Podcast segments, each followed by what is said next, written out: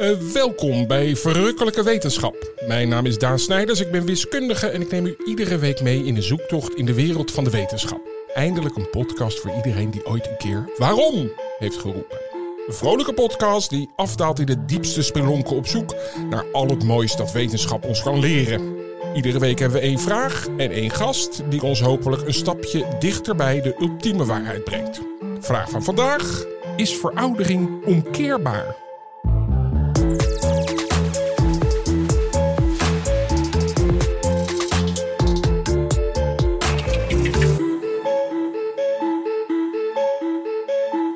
Marlijn.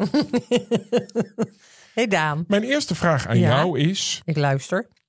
Ehm, even nog een grapje van Herman, Herman van Veen. Die zei ooit: ouder worden is een ziekte, maar dat gaat vanzelf over. Oké. Dat is wel leuk, hè? Ja, We hebben het vandaag over veroudering. Ja, En ja. of je dat dus om kan keren. Ja. Of, dat, of dat een proces is waar we iets aan kunnen doen. Ja, ja. Eh, mijn vraag aan jou is: hoe oud ben je?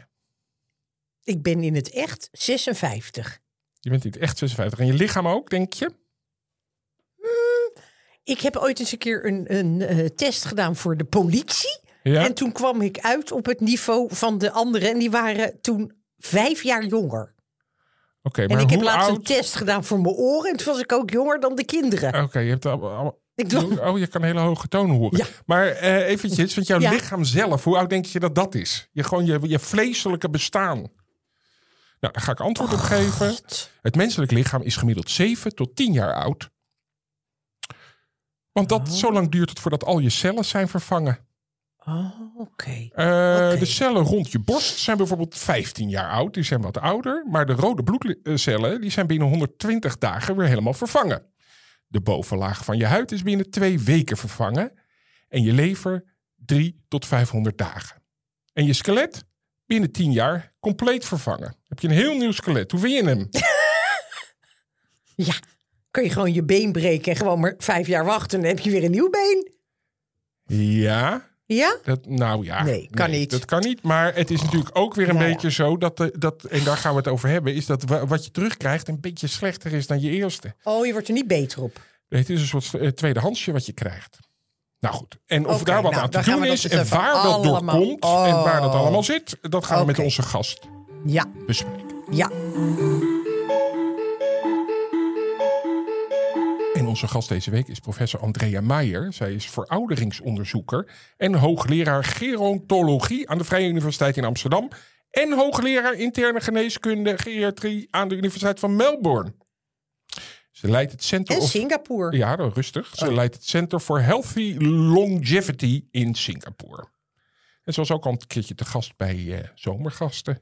Dat zijn onze collegaatjes. Welkom. zeg, eh, had ik dat een beetje goed dat je lichaam inderdaad eigenlijk steeds helemaal zichzelf vernieuwt?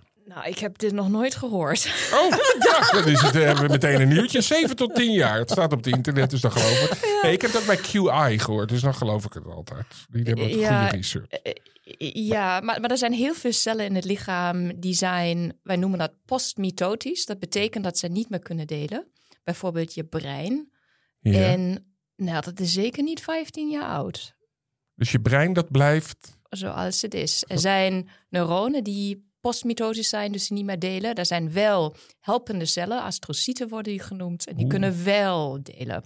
Maar nee, dat, eh, er is nog geen vernieuwing van het brein eh, beschreven. Jammer genoeg. Dus ik had, eh, dat lever, dat zitten wel, die, die, die, die bloedcellen, dat kan ik me ook wel voorstellen. Ja, dat je huid, snap ik ook wel. Je haar. Zeker, maar... het komt natuurlijk vanuit de stamcel. Dat is een soort van productiecel en die zorgt ervoor dat we alle andere cellen gaan delen en dat gaat weer nieuwe cellen opleveren.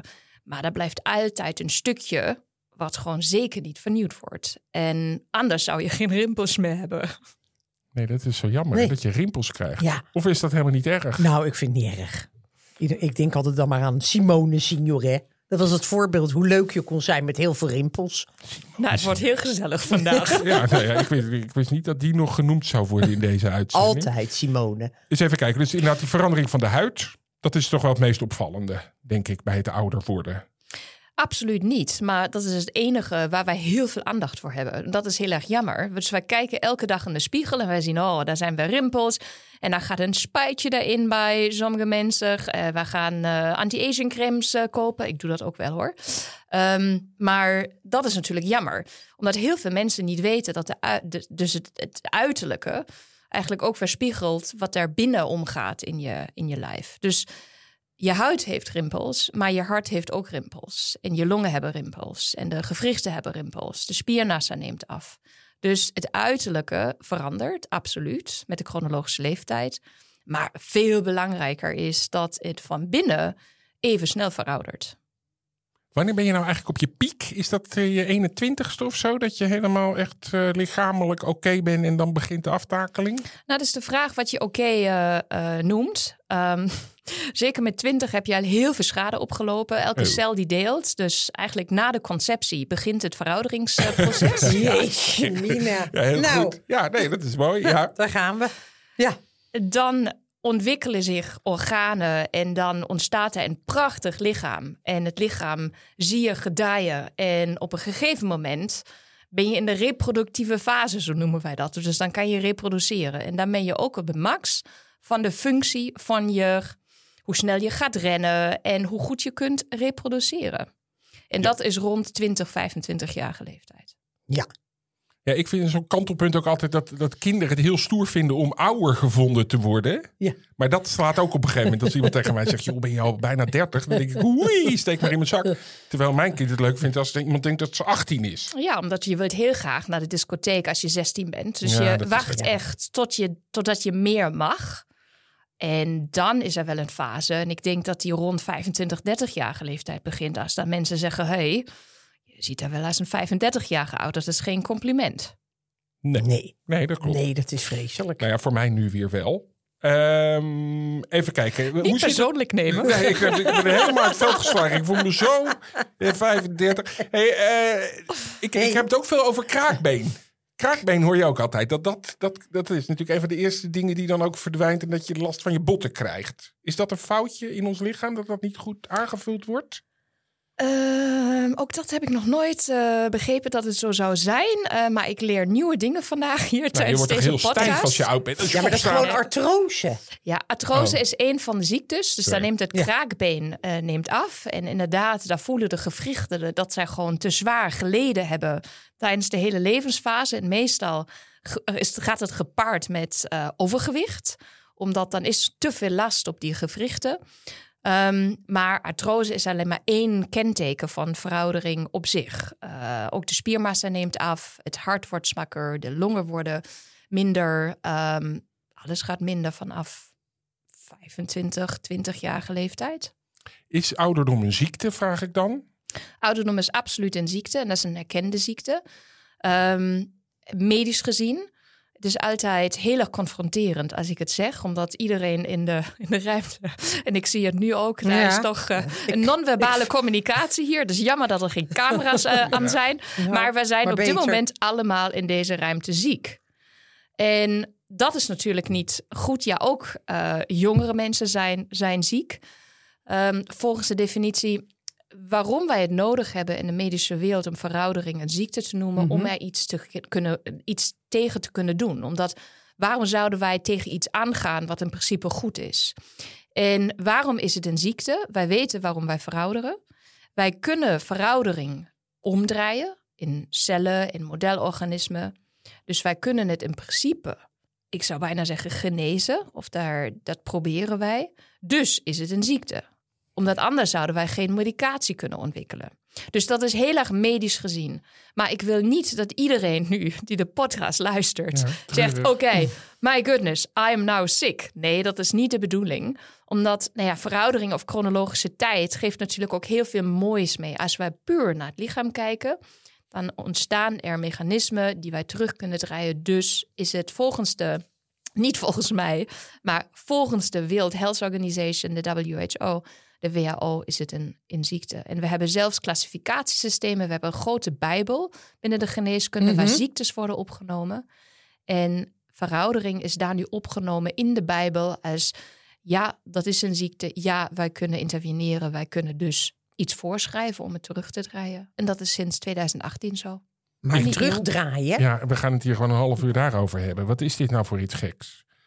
Het is, de- het- Nee, ja. het- we, we hebben een bepaalde levensduur. Ja. Dat is ons gegeven. Dat begint vanaf conceptie, gaat dat aftakelen totdat je, nou ja, wat is het, 82,5 bent. In Nederland. Maar, moeten we, eh, maar daar willen we wel iets aan doen. Omdat, omdat eigenlijk, hè, er klinkt iets alsof je eeuwig leven nastreeft. Dat je dan, hè, dat dat de ziekte is. Oké, dank voor deze vraag. Oké. Ehm, absoluut niet. Het gaat niet over de levensduur, het gaat over de gezonde levensduur. Wij noemen Ja. dat lifespan en healthspan. Dus lifespan is je jaren op aarde. De healthspan is de, zijn de jaren in gezonde in gezondheid. En wat is gezondheid? Heel erg medisch gezien weer, is het niet hebben van een ziekte en je goed voelen. Volgens de WHO ben je ziek als je je niet goed voelt en als je ergens pijn hebt. Dat is de definitie van de WHO.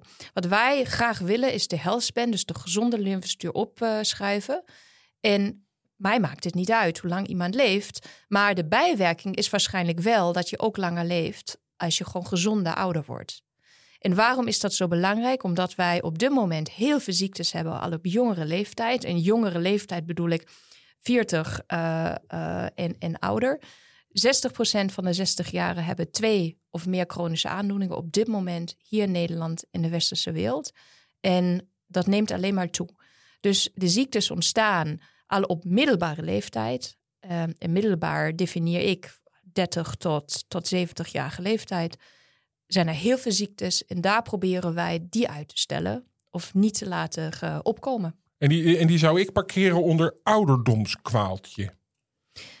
Eh, ja, die zou ik zeker niet een ouderdomskwaaltje eh, noemen. Maar het komt wel met de jaren. Het komt door, eh, dus je hebt het over ziektes die te maken hebben met het verval van het Ja, lichaam. en dan heb ik het over eh, dementie, kanker, hart- en vaatziekte, hoge bloeddruk, suikerziekte, noem het maar op. Artrose hebben wij net gehad, sarcopenie, levercirrose. Allemaal leeftijdsgeassocieerde ziektes. Het niet reageren op een eh, prikje voor een vaccinatie bijvoorbeeld. Allemaal door een slecht immuunsysteem. Allemaal leeftijdsgerelateerde aandoeningen. Maar dat is toch een, een mer à boire van aandoeningen. nee, dat kan niet. We moeten niet mensen van ons wegstoten. Gewoon Nederlands. Dit is toch Eh, een- Een verzamelbrak. ja, ga door. Nee, maar dit is toch. Kijk, ik bedoel, het, ik snap het, maar het zijn allemaal dingen uiteindelijk die onder een of andere. Tenminste, onder de, de paraplu van ouderdom zitten. Maar het is een scala aan, aan, aan aandoeningen. Absoluut. en hoe. Ja, En hoe volgens mij gaat professor Meijer zeggen... van dat kan je allemaal bij de wortel aanpakken... door de veroudering tegen te gaan. Ja, volgens mij hoef ik geen colleges meer te geven. Oi, oi, oi. Ga Ja, jij mensen, nou gewoon op de weg. stoel Ik van de gast weg. zitten? Nee, maar dat- vind dat- is nogal dat het? oneerbiedig. Het zit, het Ja. zit allemaal... Als je daar bij je twintigste mee zou beginnen... dan kan je dat voorkomen. Dat- Ze zitten is dat zo? Oké, Ja. nou dan snap ik het verband. Dus wij, ouderdomsziektes, als je dan begint, als er al eh, dement, als sprake is van dementie of hartfalen, dan is er al heel veel schade ontstaan. Dus waarom ontstaan deze ziektes? Je gebruikt je lichaam, je, je eet heel veel, je. eh, eh, wij, wij zuchten bijvoorbeeld op dit moment, hopelijk zucht, zucht nog iedereen. Ja. Dus we gebruiken ons lichaam. Met een gebruik van een voorwerp betekent dat er schade ontstaat. Er ontstaan letsels. En dat is op molecuulniveau, dat is op cellular niveau. En als dat accumuleert, als dat een samenhoping is, dan heb je aan het einde een ziekte. En die presenteert zich in verschillende organen heel erg verschillend. eh, in verschillende celsoorten. Maar als je naar de mechanismen kijkt, in verschillende organen is het allemaal hetzelfde. We hebben inmiddels eh, negen grote eh, pathways, noemen wij dat, mechanismen eh, naar voorschijn kunnen halen. Waarom dat gebeurt. En wij kunnen inmiddels veroudering terugdraaien in modelorganismen. Zoals wormpjes en eh drosophila, een vlieg of een rat of een muis. En zelfs een apen. En dus wij kunnen het verouderingsproces kunnen wij terugdraaien in modelorganismen. En nu is de volgende stap, of die stappen hebben we al gezet in mensen. Maar je moet wel, om een groot effect te hebben, vroeg beginnen. En dat is de reden waarom ik de Healthy Longevity Society heb opgericht. Dus de Gezonde Langlevendheids uh, Society. Ja, in goed Nederlands. Ja. ja, heel erg. Ja, ja, society is nog een beetje Ja. eh, club. En sociëteit. Ja. Ehm, om juist de, de medische vakgebieden bijeen te brengen. Om juist anders te denken over de geneeskunde. Omdat de geneeskunde is gespecialiseerd in te grijpen als iemand al ziek is. Dus de vraag is, hoe kunnen wij het preventief aangrijpen? En de vraag stellen ik als 44-jarige, dus ik heb verklapt hoe oud ik ben... Mhm. Ehm, dat een arts mij vraagt, of iemand mij vraagt, ben ik op dit moment in de optimale lichamelijke conditie? Voor jouw leeftijd. Voor mijzelf, niet Ja. van mijn leeftijd. Omdat er is heel veel verschil in 44-jarigen. Nog meer verschil in 55-jarigen. Dat komt omdat wij andere ouders hebben, dus andere genen. Omdat ik mij mogelijkerwijs anders heb gedragen dan een andere 44-jarige. Wat voor mij is de optimale lichamelijke conditie? En wat moet ik ervoor doen om die te optimaliseren, dat te bereiken? Maar Om ja. Vervolgens het ontstaan van ziekte over 10, 20 jaar, 30 jaar, om die te vertragen of te voorkomen. ja. Maar waar gaan we dan in hemelsnaam nog aan dood?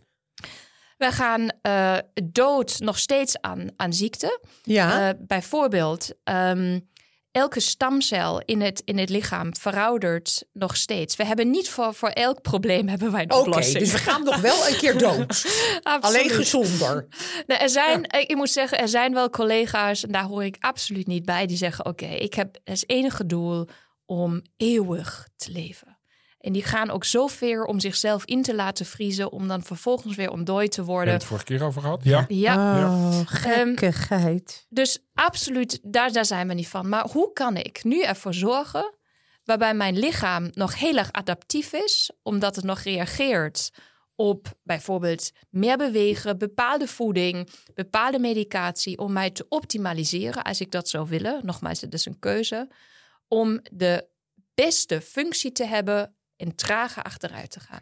Trager achteruit. Dat is wat we moeten noemen. We gaan niet die veroudering, dat wordt niet Jawel, gestopt. daar gaan we nog wel even Maar naartoe. even, ja, maar wacht eventjes. Ik wil nu weten wat ik moet gaan doen. Want ik ben Ja, nu maar- waarschijnlijk al 30 jaar te laat. Je, je bent sowieso te laat, lief. Maar da- da- daarom hebben we ook deze het is- interventie het is opgezet. Nooit, nooit te laat. Dus dat is belangrijk. Oh. Er zijn altijd stamcellen over in het lichaam. Of eh, ja, de, de mogelijkheid om, om het systeem nog te, ja, nog, om het systeem te verbeteren. Absoluut. nippertje. Ja, eh, tijd voor een? Chine- eh, Chinese spreuk. De, de beste tijd om een boom te planten is of 20 jaar geleden of vandaag. Ja, Nou, heel prachtig. Nou, heel mooi. Prachtig. Eh, maar maar Nee, ik wil eventjes nee. terug, nee Marlijn, want we moeten het echt nu eventjes hebben over die rat waar u het net over had. Want daar heeft u niet gezegd van, joh, ga eens wat veel meer lopen en... en, en Nou, en die en- apen. en probeer die peukjes eens weg te stoppen.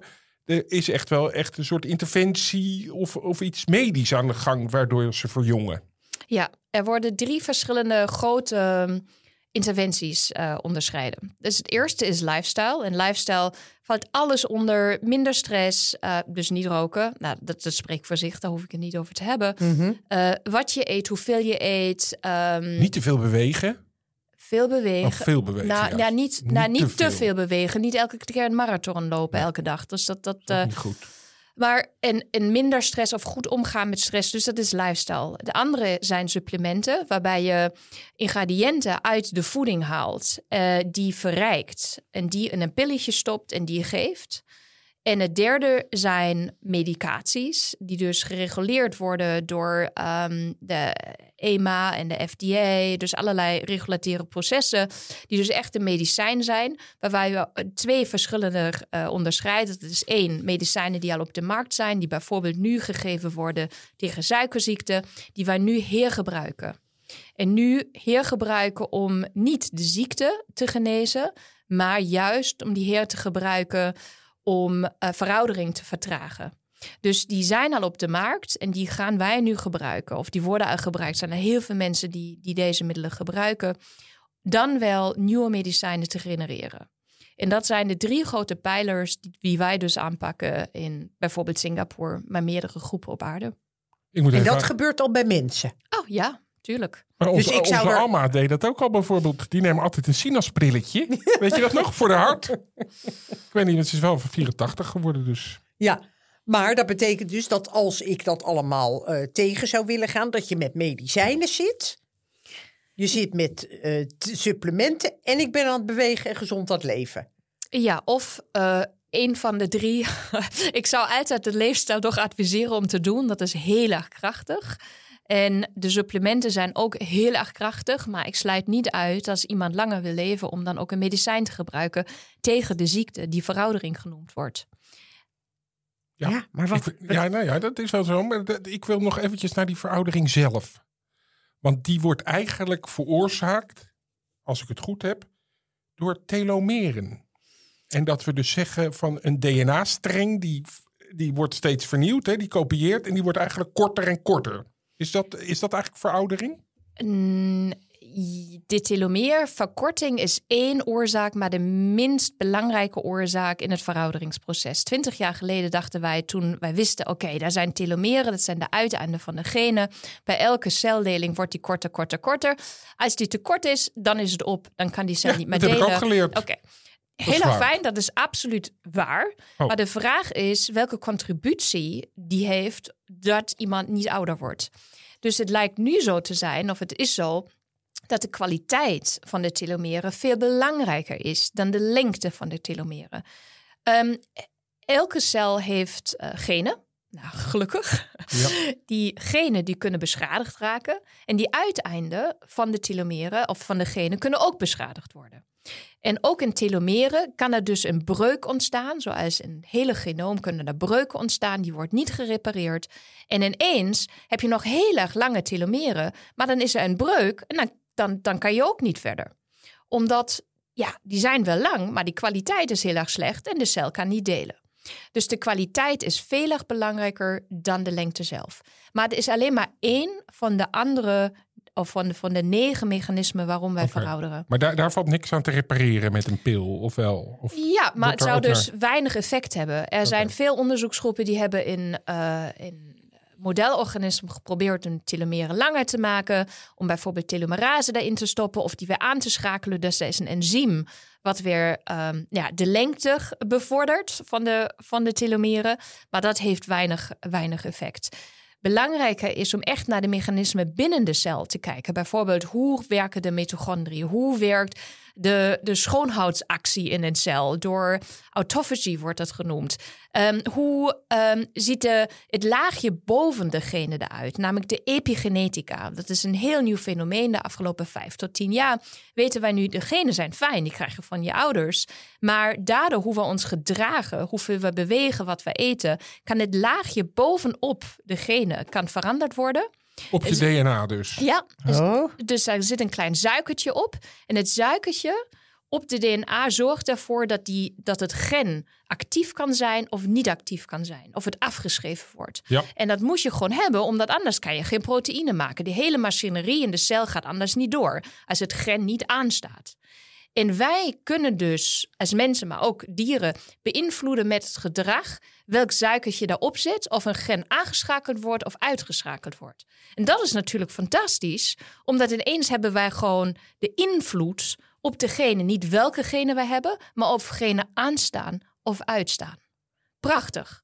Dus wij weten nu ook dat leefstijl een heel grote invloed heeft wat je met je genen doet.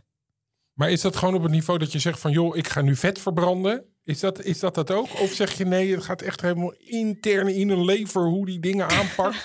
Nee, eig- eig- eigenlijk wel. Er is onderzoek gedaan ehm, van mensen die ehm, een beetje adipeus waren, een hogere body mass index, dus te veel gewicht. Adipeus?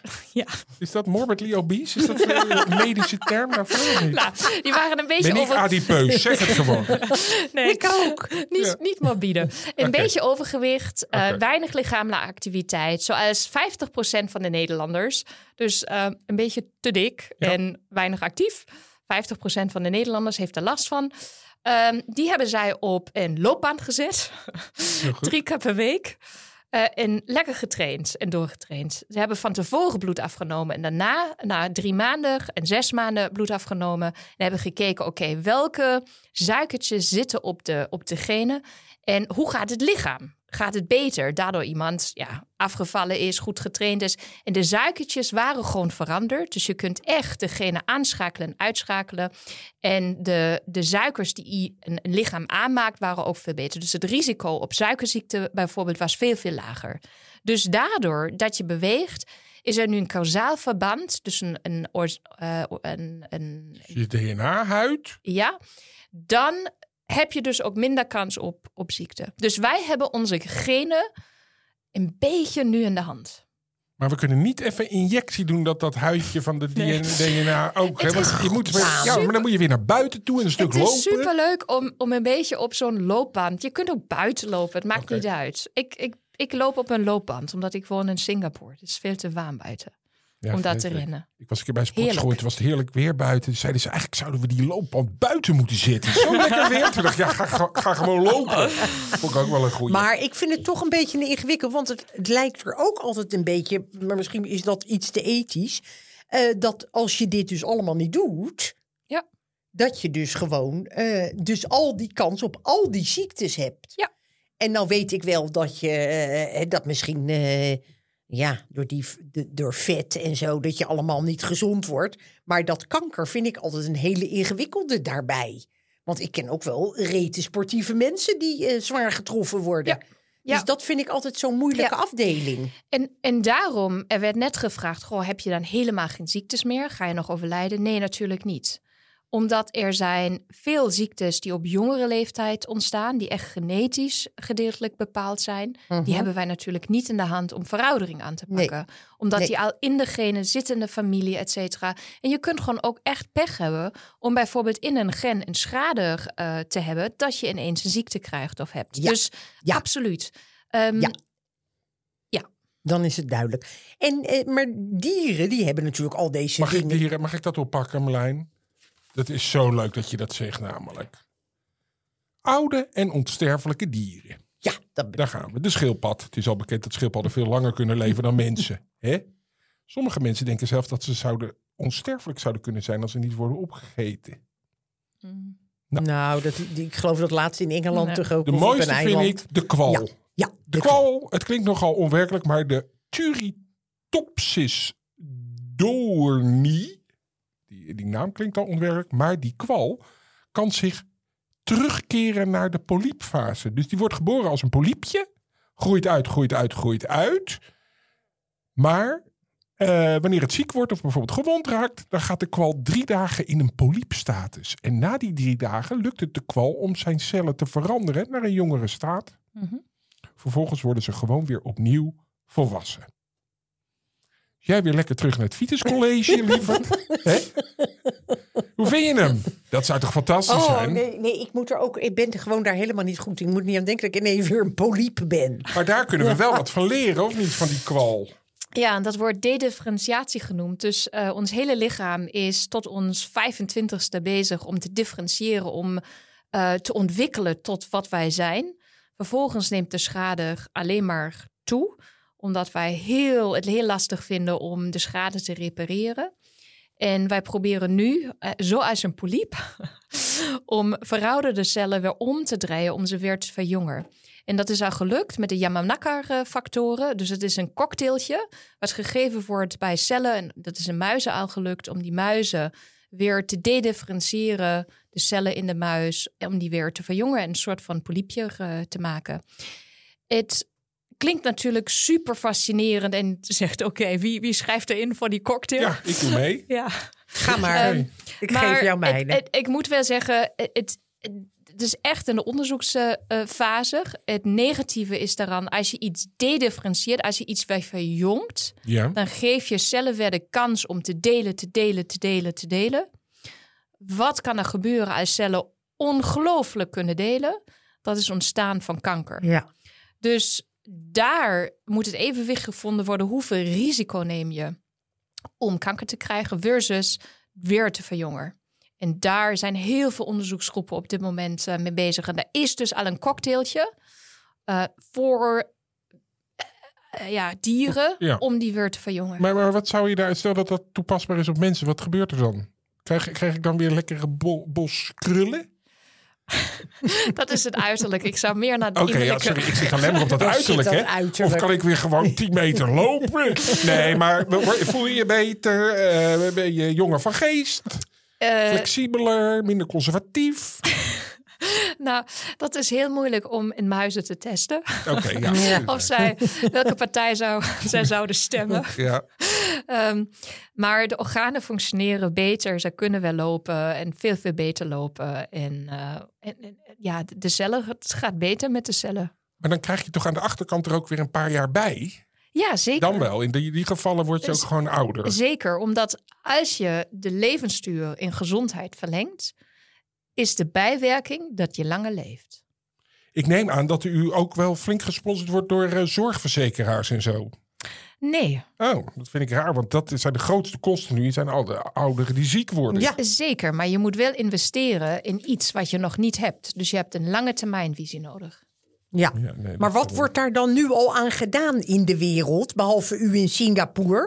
Ik bedoel, eh, komen er al campagnes of wat, wat moet er gebeuren om ook ons in beweging te zetten en te snappen wat we moeten doen? Nou, ehm, dus u heeft het over leefstijl. En dat is best lastig. Bijvoorbeeld Amsterdam, heel Nederland doen daar heel veel campagnes om, om kinderen juist in Ja. beweging te krijgen. Om ehm, obesitas bij kinderen te verminderen. 25% van de, van de kinderen in westerse landen zijn gewoon, die hebben een te hoog gewicht. Die zijn gewoon obese. Dat is een heel groot eh, probleem. Dus Nederland probeert het wel. Eh, maar er is een heel andere tak op dit moment gaande. En dat is ehm, met name wellnessklinieken, eh, et cetera, die supplementen verkopen. Waar een grote markt is, omdat iedereen is in principe ziek. Iedereen zou beter kunnen worden door, door pilletjes en door lifestyle ver- ver- veranderingen. Dus daar is een heel andere tak, met name in de privésector, aan het groeien name de afgelopen vijf jaar wat explodeert in termen van hoeveel bedrijven er, er zijn om hierin te investeren. Ja, ik ga dat even voorlezen. De markt voor levensverlenging boomt. Ieder jaar een volledige screening van top tot teen onder een MRI-scanner en weefsel en orga- organen in detail in beeld brengen. Aangevuld met een uitlezing van je DNA, van eh, wel of niet kwaadaardige genetische mutaties om die aan het licht te brengen. Ook nog een batterij aan test van een elektrocardiogram tot een bloedanalyse. Eh, steeds opvolgen op basis van 150 gigabyte aan gepersonaliseerde data via specifieke programma's voor voeding, beweging, stressniveau. San Diego kan je dat doen, is ongeveer 25.000 dollars.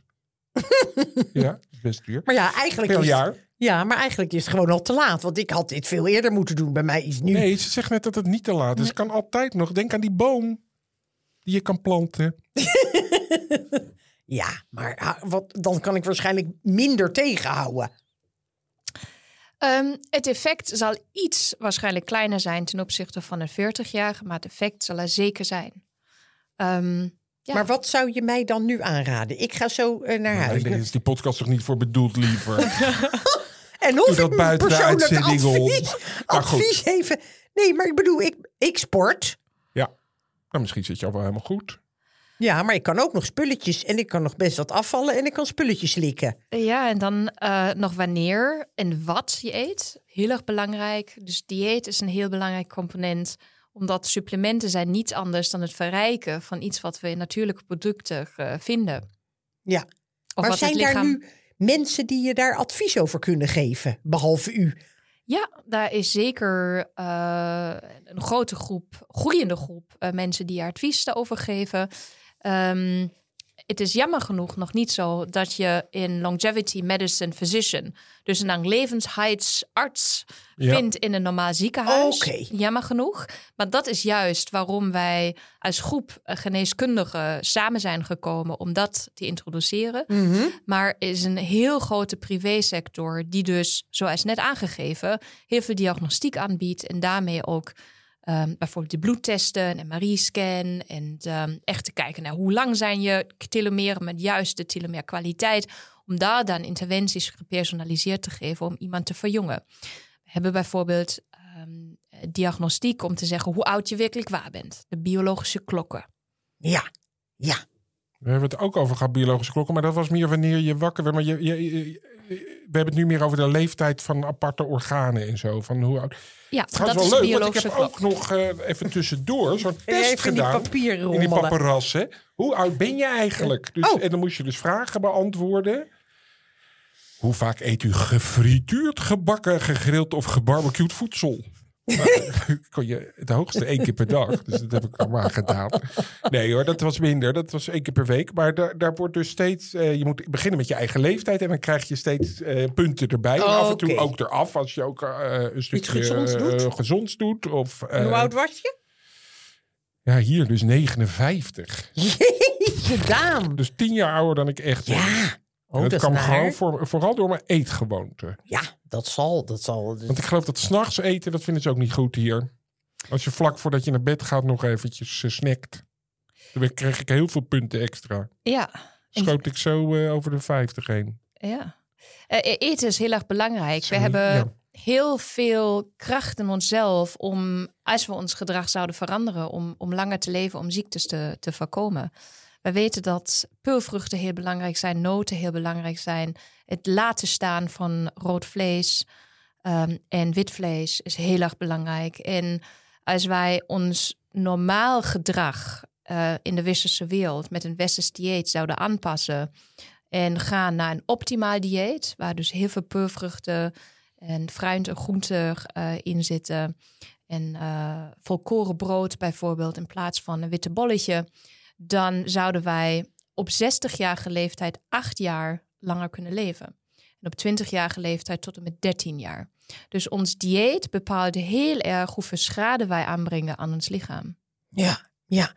Maar ik neem aan dat er ook mensen op deze wereld zijn die al leven volgens zo'n. God, het is echt verschrikkelijk met jou Marlijn. Nou, zeg wat is er nou? Precies wat ik wilde vragen. Nee, ga door. Ja, je wij bent mijn broer. Ja, we zijn je natuurlijk bent mijn familie. broer.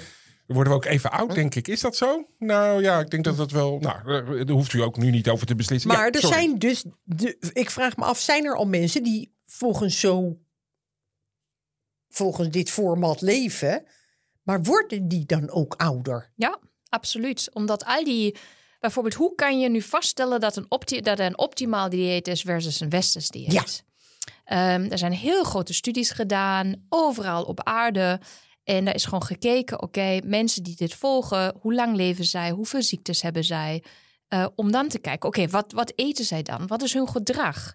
En zo hebben wij gewoon een optimaal dieet ja, uitgevonden. Niet uitgevonden, maar dat is gebaseerd op, op harde cijfers, op, op wetenschappelijke data. En wat je dan doet, dus het eerste is gewoon kijken, oké, wat kan ik gewoon observeren? En het tweede is dan echt om een interventie te doen met mensen, om ze bijvoorbeeld te laten vasten. Ehm, het werd net al genoemd, nou ja, eh, het, het, eh, die Ja, dat gesnaai in de avond. vond echt niet goed. dat wij ik doe intermittent fasting. Jongens, Ja, het is. Ik doe van goed. 12 tot 8. Periodiek maar, vasten. Ja, maar ik weet niet of dat heel goed is. Want dan zetten ze hier een doos met pepernoten. En die eet ik dan allemaal op. Dus ik weet niet. eh, ik denk wel dat het me uiteindelijk gezonder maakt. Maar ik moet opletten dat ik in die acht uur niet als een soort doldwaas alles maar begin te eten. Ja, maar dan is de vraag of het gedrag niet ook al zo zou zijn als die pepernoten daar zouden liggen en u zou niet acht uur eh, eten. Waarschijnlijk zijn de pepernoten toch wel heel erg aantrekkelijk. Ja, maar ik had ze gisteren in huis. En toen zei eh, mijn partner, of mijn vriendin, moet ik dan gewoon zeggen. ehm, die zei, ik ga lekker pepernoten zitten eten. Het was het half negen. Toen zei ik, oh nee, daar doe ik niet aan mee. Want het is na achten. En dan kan ik me dus wel inhouden. Heel goed. Heb je een kwartier langer leef je nu. Gefeliciteerd. Als je niet onder een bus loopt. Dan krijg ik net binnen. Van, als je onder een bus loopt is het sowieso afgelopen. Hey, we hadden als ehm, onderwerp... is veroudering omkeerbaar? Daar wil ik nog wel even graag een antwoord op. Is het Ja, omkeerbaar? Keerbaar. Ja, Dus je kan weer jonger. Je kan een soort Benjamin Button-achtige toestand creëren. en dat is wel heel erg eh Ja. ver gedacht om van een heel oud iemand een heel jong iemand eh, te maken. Maar wij kunnen dus vaststellen wat de leeftijd, de biologische leeftijd echt is van een lichaam. Dus niet de paspoortleeftijd, maar de biologische leeftijd, hoeveel schade er is. We kunnen die schade meten. En we kunnen ook meten na een interventie hoeveel iemand Terwijl iemand toch verouderd is, dus meer jaren daarbij heeft, maar hoe biologisch iemand vooruit of achteruit, Achteruit. Is, gegaan, is gegaan. Dus hoeveel Ja. jonger iemand is geworden. En dat is dus omkeerbaar. En er zijn heel veel muizenonderzoeken. Dus in muizen kunnen wij fixen. No problem. Maar worden die muizen ook nou eh, nog ouder? Want dat, dat, dat wil ik even uit elkaar halen. Je bent Ja. gezonder tot Ja. je 84ste of worden we lekker 132? Ehm, die muizen worden gezonder, ouder, maar ze leven ook 20%, 30%, afhankelijk van welke interventie het is, worden zij gewoon eh, ouder. Op hun totaal worden ze 20% langer? Ja. Of van hun levensverwachting worden ze 20? Nee, normaliter leeft een, een muis in het laboratorium twee tot drie jaar, afhankelijk van welke muizen eh, je, je, je neemt. Ja. En daar komt 20, 30 procent. Als je bijvoorbeeld rapamycine geeft, dat is een, eh, een eh, medicijn wat heel vaak in de transplantatiegeneeskunde wordt gebruikt. Of metformine is een slechter voorbeeld, maar eh, die leven 20, 30 procent langer. Ja, daar wil ik dan wel aan meedoen aan een proef. Schrijf ik me zo voor in. Als ik maar niet over de hei hoef te rennen. Ja, maar dat hoort er gewoon bij, Daan. Nou, dat Ja. Ja, dat je kan niet of een alleen loopband- En ik vind dat een ethisch vraagstuk. Ja, is Dus- het ook. als je al iets voorhanden hebt om te doen waarbij wij weten dat het werkt, kan je dan een pilletje krijgen om het maar niet te doen. En we hebben het nu over, Zeg dat mag- nog eens, sorry. mag iemand in slechte, of, of gaan wij ehm, mensen die echt niet willen bewegen bijvoorbeeld, Ja, of elke dag patat eh, willen eten, dan een beetje rapicimine geven. ja, om dat te, ja, eigenlijk tegen te gaan. Ja. De slechte invloed daarop. En daar, dat is wel, ik moet zeggen, daar lig ik soms wel wakker van. Oké, maar Andrea, wat gebeurt er? Als je nu echt het pilletje hebt, en we hebben heel veel supplementen die wij testen, die waar heel goede resultaten uitkomen bij mensen. Maar ja, wat creëren wij dan? Creëren wij dan nog luiere soort of mensen die niet willen bewegen, terwijl eigenlijk in onze genen zit dat als er een tijger aankomt, dat we moeten lopen. Maar alles is zo gemakkelijk geworden. We hebben gewoon een, een koelkast en die kunnen we gewoon openen en ligt het erin. Dus we hoeven ook niet meer lichamelijk eh, daar bezig te zijn. Dus ik vind dat wel een, een ethisch dilemma, moet ik zeggen. Ja, Ja. ik vind dat een ontzettende moeilijke. Ja, en het is ook de dag vandaag dat de 8 miljardste wereldbewoner Ja. wordt geboren. Dus dat, is ook, dat wordt dan ook alleen maar dankzij die pillen ook meer, meer, meer. En gaat meer overlappen. Absoluut. Eh, ik denk als je naar het wereldprobleem op zich kijkt en heel generalistisch bent, dan hebben wij gewoon veel te veel mensen op aarde. Ja. Eh, op dit moment houden wij heel veel zieke mensen eh, in leven. Wij zijn heel erg, en daar mogen wij echt trots op zijn. We hebben een super goede geneeskunde opgebouwd. Zeker in Nederland. eh, mogen wij echt felicitaties aan iedere dokter eh, om een, een onderzoeker. Om echt bijna elke ziekte niet te kunnen genezen, maar uit te kunnen stellen dat we gewoon overlijden. En dat moet juist om, omdat wij, wij financieren zoveel in de gezondheidszorg aan dingen die wij mogelijkerwijs zouden kunnen voorkomen, dat dat ehm, ja, mij drijft om toch ervoor te zorgen, mogelijkerwijs, dat mensen ook langer leven. Bij mij gaat het erom dat wij gezond leven. Nou, Ja. fantastisch. Daar gaan we Ja. mee afsluiten, Marlijn. Ja? Ja, Oh. gekhuis. Oh. Het was zo'n jong, sprankelend gesprek. Het ging zo door. ik praat nog even naar... we hadden allemaal foto's mee. Ja, daar gaan we zo nu eventjes Oh, naar kijken. Maar we hebben afs- afscheid van onze gast. Heel erg bedankt. En eh, ook mooi dat duidelijk. ethische stuk nog even aan het eind. mina. Ik ben wel nu helemaal eh, van mijn aproposje. Mag Ja, niet dat zeggen. Apropos. Hey, eh, je had inderdaad leuke foto's Ach, van ons toen we zo jong. nou. Zullen we die ook op Instagram zetten? Of is dat iets te Sommige. Als we samen aan het hinkelen zijn. Maar daar draag ik per ongeluk geloof ik een VVD-trui. Hey, ik ben er op zich allemaal voor. Wat de professor net zei. Behalve dat lang leven. Ik vind dat gewoon, dat, dat, dat 80 jaar is prima toch? Ja, nou, Maar wel in gezondheid, dat vind ik er wel mooi van. Dat je nog wel ook gewoon vrolijk fietsend en steppend die laatste... nee, dat vind ik ook. Alleen is het natuurlijk heel erg. We hebben het vorige keer gehad over eh, je eigen wil en wilskracht. Nou, eh, ik, ik geloof niet dat er heel veel mensen zijn die, eh, als je nu niet sport, dat je dan ineens wel gaat sporten. Ik vind dat een hele moeilijke. Ik bedoel, dat zei o- onze gast ook. De- de- ja, Ja, maar goed, die vallen gewoon af. Die zijn het haasje. Als je niet gaat sporten, dan... dan maar dan krijg je niet een pil. Nou ja, dat moeten wij dus samen beslissen. Maar dat, Oh ja. daar moeten we nog even over nadenken. Of je, wanneer je een pil krijgt. Ik vind dat je Daan. vriendelijk en lief moet zijn voordat Ja. je zo'n pil krijgt. Ja, Ehm, dat gezegd hebbende, ja. is er ook nog de mogelijkheid om hierop te reageren. Want Oh ja, dit zal ja. de tongen toch wel losmaken, denk ik. dat is eventjes een inschatting van mijn kant. Eh, waar kunnen de mensen dat op doen? Naar e-mail naar verrukkelijkewetenschap.kortimedia.nl Kortie met een C. of abonneer u op uw favoriete platform, op uw favoriete podcast. En dat zijn wij. Nou, hartstikke goed. Dank u. Hey, onwijs bedankt en hopelijk eh, volgende week weer zo'n prachtige gast.